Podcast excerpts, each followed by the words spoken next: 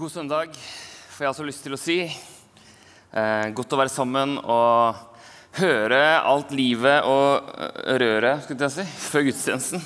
Og få være sammen og synge og ja, være, rett og slett være sammen.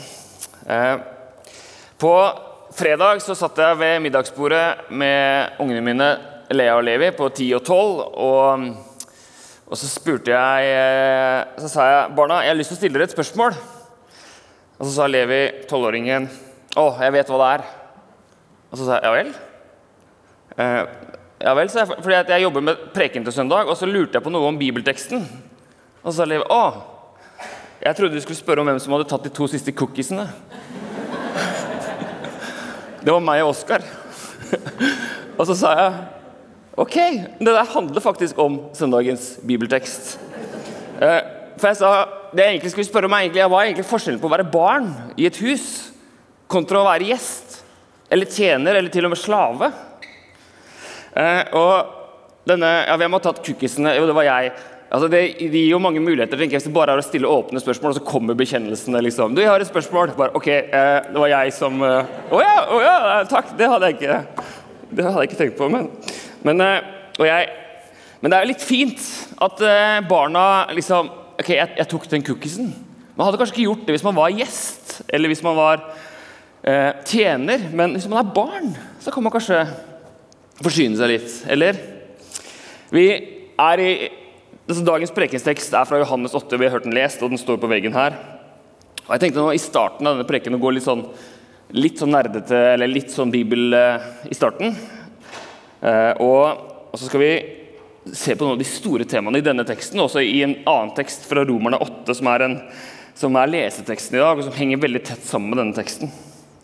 Altså Bakgrunnen når Jesus sier disse ordene, så er han på løvhyttefesten i Jerusalem. Og det er full, fullt hus i Jerusalem. Disse store feiringene som jødene hadde i løpet av året. Eh, og Løvhyttefesten handla om utfrielsen av Egypt først og fremst. Var flere ting, men de feira at, at de kom seg ut av slaveriet fra Egypt. Jesus forkynner der i Jerusalem på løvehyttefesten. Han sier at 'kom til meg, alle dere som er tørste, jeg vil gi dere drikke'. Eh, vi har historien like før i kapittel 8 om denne kvinnen som blir grepet i ekteskapsbrudd. og Jesus begynner å diskutere med fariseerne. Og det står at mange har kommet til tro på Jesus. Altså De hører Jesus forkynne, de ser det han gjør, og det står at mange kommer til tro på ham. Så kommer vi inn i dagens tekst, hvor Jesus sier da til de jødene som hadde kommet til tro på ham hvis dere blir i mitt ord, er dere virkelig mine disipler. Altså De jødene, som det står, disse jødene eh, Mange tekster i Bibelen, eller noen tekster, og spesielt denne og denne kapittel 8, Johannes 8, har blitt brukt antisemittisk. Som at, å, ja, det er de jødene som, Litt seinere går Jesus inn i en diskusjon med fariseerne og kaller de for eh, djevelens barn. og sånne ting. Det er ikke det man sier helst i en diskusjon, at liksom, dere har djevelen som far, og han er en løgner osv. Det slutter kapittel 8 med at de har lyst til å steine Jesus. så Man kan diskutere hvor bra gikk denne samtalen, eller dialogen. Men det her er jo ikke en, liksom, den kristne Jesus som diskuterer mot jødene. Det er jo jøder som diskuterer sammen. Det er jo en familiekrangel om man vil, eller en familiediskusjon. Så Det er viktig å ha med seg når det står liksom, til de jødene. Men Jesus sier til de som hadde begynt å følge han og tro på han, for at Jesus var jo en rabbi, en lærer, og han begynte å få etterføl altså etterfølgere som begynte å tro på han. Så sier han hvis dere blir i mitt ord, da er dere virkelig mine disipler. Så Én ting er det dere har hørt til nå, og sett til nå, erfart til nå. Og nå er dere happy og glad, men bare vent, jeg kommer litt lenger ned i Johannes 8 her. Eller litt lenger ned i veien. Eller litt tilbake her om noen år. Så skal dere se hvordan det går. Nei, men Hvis dere blir i mitt ord, er noe Jesus sier her. Vi ser i teksten at det er mange ord som handler om som gir uttrykk for ulike former for identitet. Det er 'mine disipler'. En disippel er jo en slags identitet. Jødene er en identitet. Abrahams ett. Vi er Abrahams ett. Det er vår identitet. Det er slave. Det kan jo være en identitet. Jeg er en slave. Eller fri. Jeg er fri. Hva er din identitet? Jeg er fri. Eller sønn. Eller sønn. Og så er det litt interessant å lese teksten med tanke på bakgrunnen for hvor vi er. Som sagt, Vi er i, på løvhyttefesten, feiringen av utfrielsen av Egypt. Og Jesus sier at hvis dere følger meg, så skal dere bli fri. Eller da er det virkelig mine disipler Så sier jo, da skal, gjøre, da skal, sannheten gjøre dere fri. Og så sier de Hæ, vi er jo Abrahams ett, vi har aldri vært slaver. Eller vi er med Nå, Hva er det vi feirer nå igjen? Ok, Hvorfor var dere i Jerusalem igjen? Nå, Hva er det vi feirer nå igjen? Å ja, stemmer det, vi feirer at vi var slaver i Egypt, men nå er vi ikke lenger. Så det er litt sånn ja, Vi er Abrahams ett og aldri vært slaver for noen. Eh, eh, hva, hva, er denne, hva er all denne festivitasen for? Det er akkurat som at de har glemt sin historie glemt sin bakgrunn. De er liksom, men vi er jo, vi er jo Abrahams ett. Vi har ikke vært vi er liksom, de, hva skal jeg si, de liksom skryter seg opp og glemmer ja, hva er egentlig historien vår. En annen ting vi kan legge merke til her jeg vet ikke hva slags, liksom, hva er de første tankene som dukker opp i hodet ditt når du hører ordet synd? Hva er det som liksom, ja, Da ser du for deg et eller annet. Hva er det som liksom dukker opp når du hører ordet synd? Er det noe du selv har gjort? Er det, noe du, er det noe andre ofte gjør? Er det en handling du tenker på? Er det et mørke? Altså, hva slags følelse får du når du hører ordet synd? Det kan jo være ganske ulikt. I Johannesevangeliet så brukes synd ikke først og fremst som liksom, dumme, ting, dumme, ting, man gjør. Liksom, ikke gjør dumme ting. Altså, ikke gjør ting som er feil. Altså, det er ikke en liste med liksom, gode og dårlige gjerninger og slutt å gjøre de dumme tingene. først og fremst. Men i Johannes evangeliet så er synd det å ikke ha tillit til Gud. Og ikke stole på Gud. Og, ikke, og Jesus også bruker det noen ganger for at ikke de ser hvem han er. Dere ser ikke hvem jeg er. Synd. Det er en, en slags holdning av mistillit. Eh. Og så En annen ting vi legger merke til i teksten, som er så veldig vanlig i Johannes-evangeliet, er dette husholdningsspråket, om man vil. Det er en familie. Jesus snakker om et hus. Eh, og eh, Guds rike er som en husholdning, en familie. En storfamilie. Og I en familie, som i denne konteksten, på Jesu tid, så var det jo sønner og døtre, barn. Men det var også slaver. Vi har nok lett for å tenke slaveri, så tenker vi veldig fort det afrikanske amerikanske slaveriet, som var forferdelig. og det, og det var det helt klart på Jesu tid også. Og Slaveri aldri, liksom, har aldri vært bra. Men slaveriet på Jesu tid var også litt annerledes, fordi mange hadde eneste måten de kunne leve på, overleve på, var å være tjener i et hus og for en familie. Og Forholdet mellom familien og slavene var ofte hva skal jeg si, i den grad det går an å si bedre. Så var det iallfall annerledes enn på Jesu tid. Ofte så oversettes ordet i evangeliene våre noen ganger med 'tjener', mens det egentlig står 'slave'. Men fordi at man, slave blir på en måte, Vi tenker veldig fort ja, slave liksom, med lenke rundt halsen, mens i tekstene så oversettes det ofte 'tjener'. Men her står det 'slave'. Og i den nye oversettelsen som kommer snart, jeg var på Bibelselskapets representantskapsmøte her om dagen, så kommer de til å bytte ut alle ordene hvor det står 'tjener' med faktisk 'slave'. For det er egentlig det ordet betyr. Så vi må kanskje bare jobbe litt ja, men Hva, hva, hva jeg, forbinder jeg med slave? Uansett, I denne familien, storfamilien så er det ulike relasjoner, ulike folk. Det er en storfamilie. Og Når Jesus sier i, til Nikodemus i Johannes kapittel 3 at for å komme inn i Guds rike så må du bli født på ny, så er det også liksom den samme greia. Du kan ikke komme inn i Guds rike, inn i Guds hus, inn i Guds familie uten å bli født inn i den. Men heldigvis så det, har alle muligheten til å bli født på ny og bli en del av Guds husholdning, Guds rike. Du kan ikke prestere deg inn i Guds rike, Nei, men du kan bli født på ny, som er en gave. og komme inn i inn i familien. Og Jesu, tolk, Jesu, motstandere her tolker Jesus sine ord om slaveri og frihet som et politisk budskap.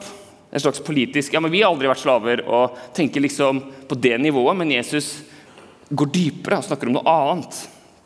Jesus kommer med et løfte om frihet. Om virkelig frihet. For Sønnen frigjort dere, er dere virkelig fri. Men så er det et hvis her, i vers 31. Hvis dere blir i mitt ord er dere virkelig mine disipler? Da skal dere kjenne sannheten. Sannheten skal gjøre dere fri. Og det er et ganske stort hvis. Hvis dere blir i mitt ord. Hvordan skal vi forstå det? Dette visset. Og Det har vært en sånn stort teologisk dilemma om man vil, gjennom hele kirkens historie. Er på hvilken måte er jeg sønn i huset? basert bare på å bli født inn uten å gjøre noe som helst for det. Og, hva, og hvordan opprettholder jeg å bli og fortsatt å være disippel? Her sier Jesus at hvis dere blir i mitt ord. Og Da vi, skal vi nerde, ikke nerde, men vi skal se litt til på en annen tekst. Romerne 8. Som, jeg skal ikke gå så detaljert til verks i den, men, men, det er en fantastisk tekst. Eh, og Det begynner sånn. Så er det da ingen fordømmelse for den som er i Kristus Jesus. For åndens lov, som gir liv, har i Kristus Jesus gjort deg fri fra syndens og dødens lov.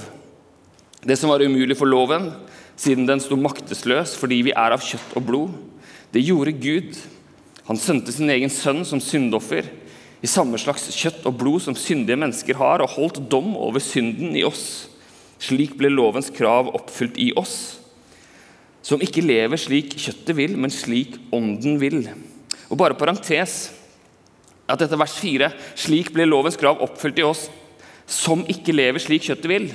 Det er De av dere som har Vårt Land altså uka, var, uka som var nå, så hadde Ole Jakob Filtvedt, som er NT-professor på MF og venn av oss i, i huset her, skulle jeg si, kirka, han, han hadde en, en, hel artikkel om tolkningen av vers 4. Oversettelsen av vers 4. For her står det 'slik ble lovens krav oppfylt i oss'. Altså, det ble oppfylt eh, som ikke lever slik kjøttet vil. Men det er jo noe sånn, det, jo, okay, så må, det handler om å leve på en viss måte. Da ble det oppfylt. Eller hvordan er det vi skal forholde, forholde liksom, Er det presens eller fortid, eller hvordan funker det her?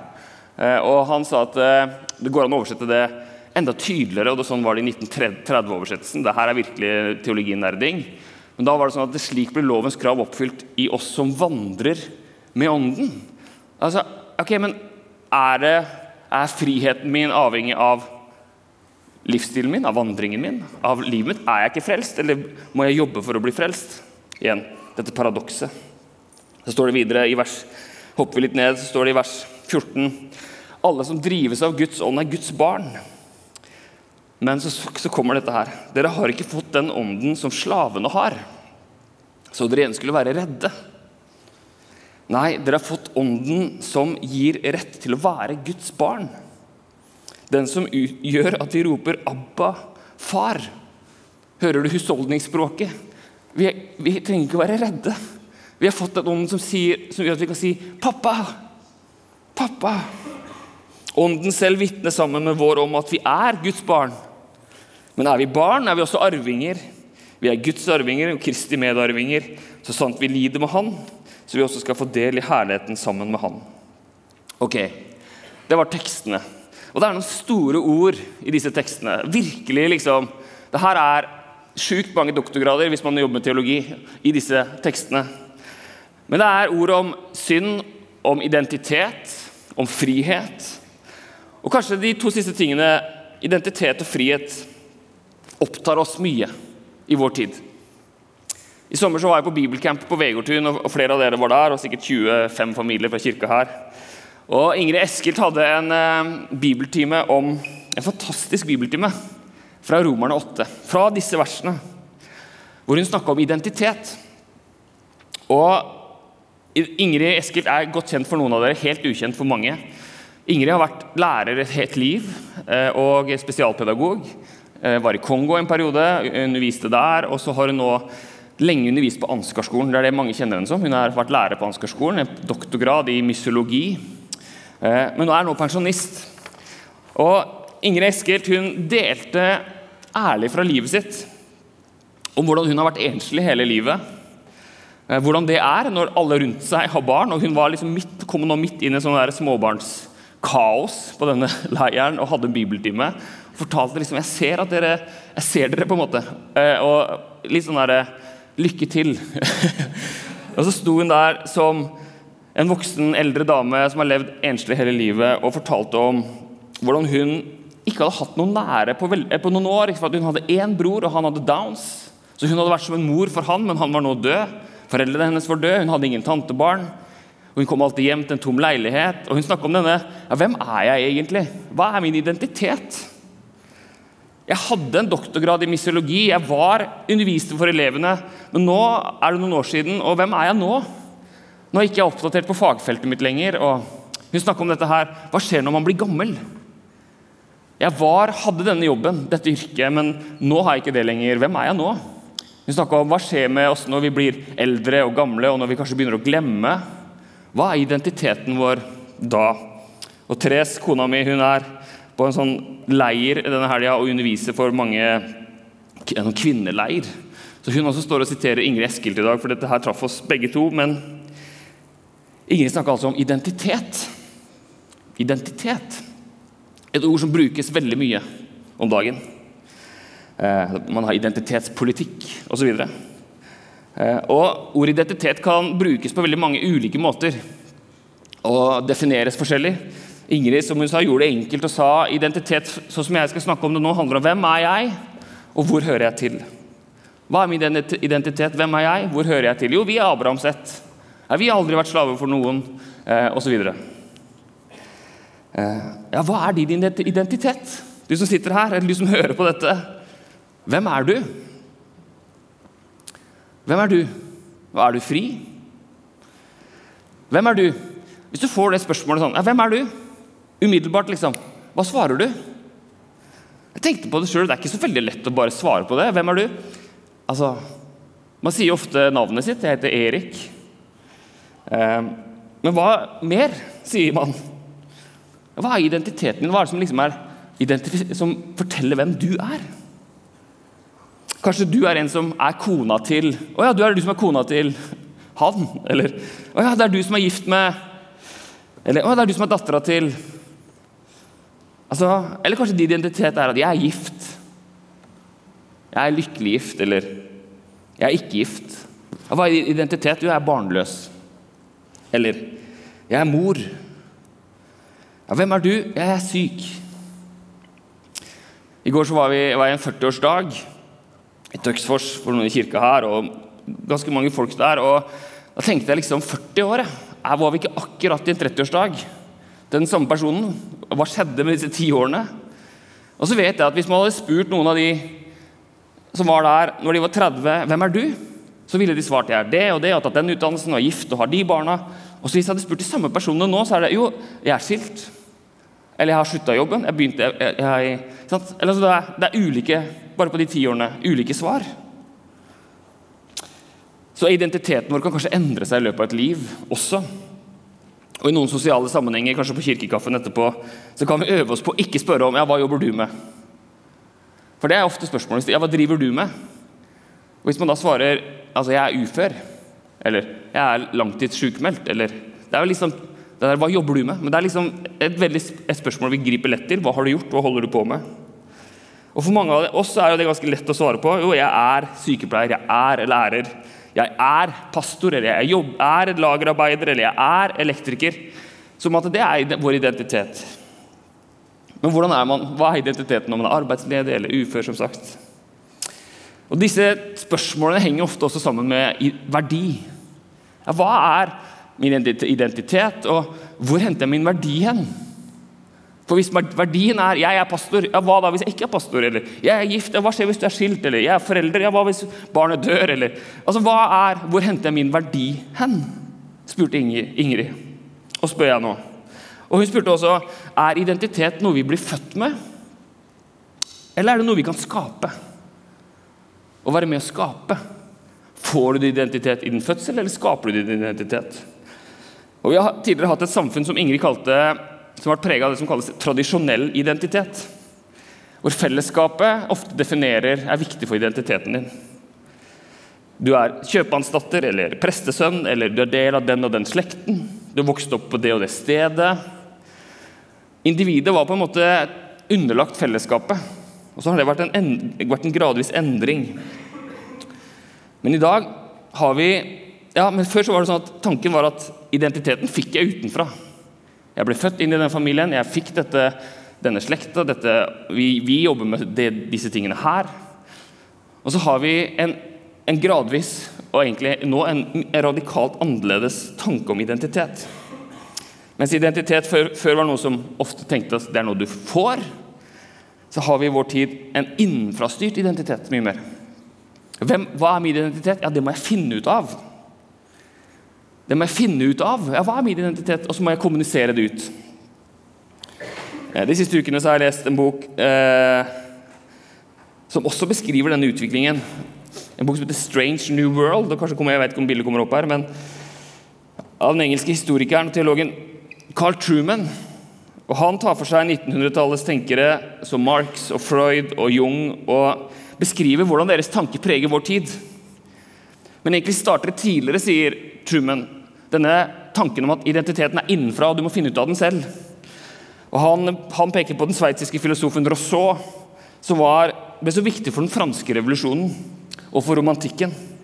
Truman, Truman identifiserer Rousseau som den første som liksom sa at moralsk mening og innhold og eh, ja, Moralsk autoritet og mening må du finne liksom i deg selv. Du må søke innover. Moral og mening finnes ikke utenfor, i Gud eller noe annet, men det finnes i deg selv. Du må søke innover. Og Ved å gjøre det så bidrar også til å skape det moderne selvet, hvor følelsene er veldig viktige. Ja, hvem er du? Ja, altså, jo, jeg føler dette. Eller disse følelsene får jeg. Hva eller hvem føler du deg som? Truman kaller vår tids tanke om identitet for 'expressive individualism'. Expressive individualism. Det betyr at jeg egentlig ikke kan vite noe om deg før du har sagt til meg hva som er sant om deg. Jeg kan ikke se på deg og tenke at jeg får en del informasjon her, jeg kan si noe om deg. Nei, jeg kan ikke si noe om deg før du selv har funnet ut hva som er din identitet, og før du kommuniserer den expressive individualism. Vi er i vår tid, eller tror i hvert fall vi er, individualister i ypperste potens.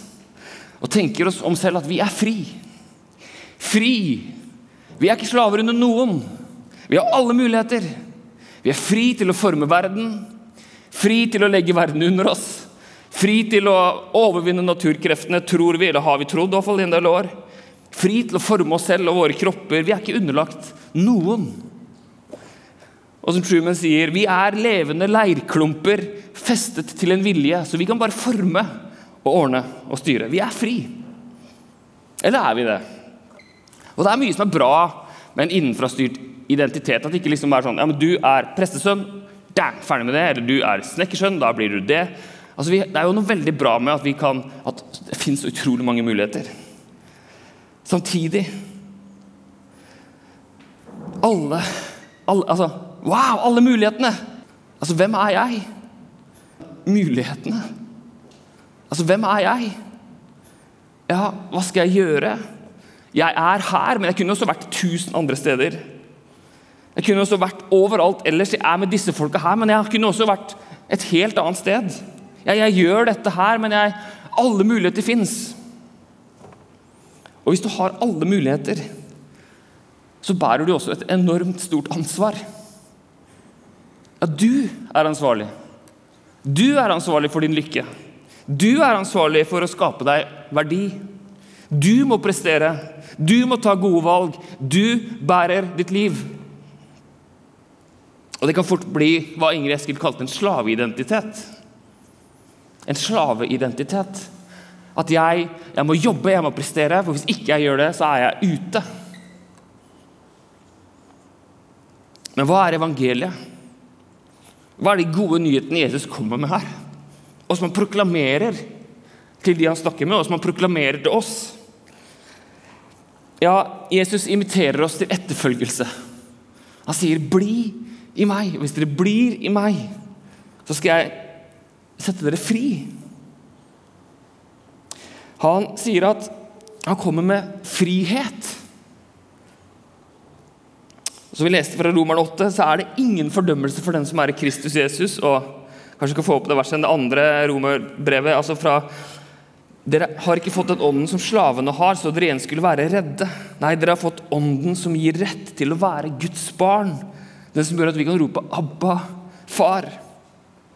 I en ekstremt individualistisk kultur, hvor hver og en må søke inn i oss selv og finne ut 'hva er jeg', og 'hvem er jeg', og 'hva kan jeg gjøre', og 'hvor er min verdi', og så sier Jesus vet du hva? Nei, verdien din finner du ikke der, først og fremst, men du finner den fra meg.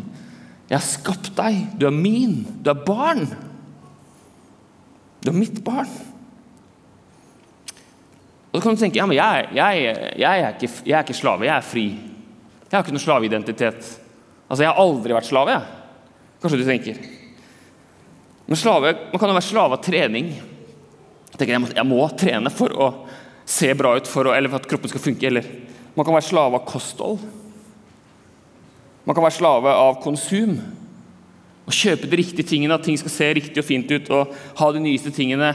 Det er det som gjør at jeg har verdi. Vi kan bli slave av sosiale medier, av å sammenligne oss eller få algoritmene til å funke eller få antall likes. Og kanskje er dette også ulike former for synd, som Johannes skriver om. Altså dette, denne mistilliten til at ok, verdien kan jeg ikke finne noe annet sted. Gud kan ikke gi meg min verdi, så jeg må bare, jeg må bare jobbe på. Trene, spise, eh, kline til, bygge meg et liv ta en master og, eller altså liksom, Jeg må bare holde på. Det er ikke noe gærent på å ta master, virkelig ikke. det var ikke meninga. Men liksom, jeg må bare stå på for å liksom bygge dette livet, bygge denne verdien. Og så kan vi da spørre ja, er vi fri. Er du fri? Jeg skal gå mot avslutning nå, men er vi virkelig fri?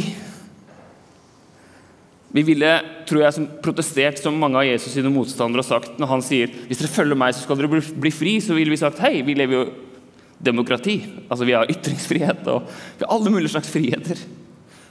Så sier Jesus eller vi, ja, vi er norske. Vi er de mest frie menneskene i hele verden. Og så ville Jesus sagt altså, eh, hvis, man gjør, er, hvis, man gjør, synd, så er man slave av synden. Altså Hvis man har mistillit til Gud, så er man slave av synden. Da er man ikke fri. Å være fri i den forstand som man har en grunnleggende identitet som sønn som datter, som alltid tilhørende i familien. Det er forskjell på å være gjest eller være tjener, eller være slave, eller være sønn. Datter. 'Pappa, pappa! Kan jeg få en is?' Og Noen ganger så ringer barna meg og spør 'Pappa, kan jeg ta en is?' Og jeg bare 'Wow, tenk at du ringer', liksom. Jeg sier ikke det, men uh, 'Ja, vær så god'. Jeg vet jo ganske ofte at jeg ser jo islagre minker uten at de har ringt meg også. på en måte. Altså. Og Da må du ikke si til dem, men jeg syns det er fint, det også. At de bare liksom Det er mitt hus. Dere er arvinger.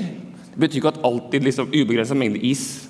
Men det er liksom Dere, dere tilhører jo dette, denne, denne, dette, dette huset. Dere er mine barn.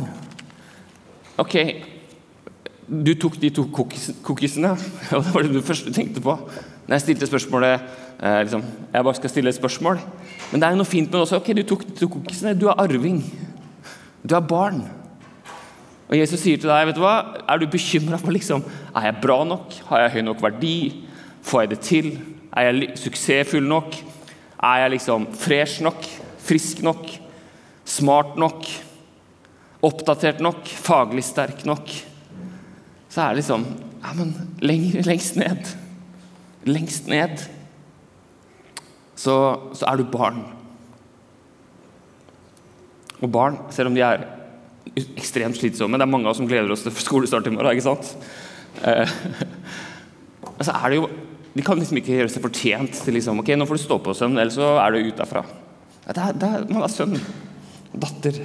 Jeg har sagt det her før noen ganger at når jeg legger barna, jeg har gjort det lenge, nå er det jo tolvåringer der som en gang iblant at man får lov fortsatt Eh, men så har jeg sagt disse tingene som jeg hørte av en annen som sa, som hadde gjort det med sine barn. Liksom 'Lea, vet du hva?' Eh, og så svarer hun 'Du elsker meg.' Jeg vet hvorfor. Fordi du er pappaen min. Og ja, fordi jeg er pappaen din. Altså, det er ikke fordi at du ser så bra ut, eller du har vært så høflig i dag, eller du har stilt, vært så smart. Nei, bare fordi at jeg er pappaen din. Og Jesus sier til oss her i dag Vet du hva? Jeg elsker deg. Jeg elsker deg. Jeg er pappaen din. Vi er barn.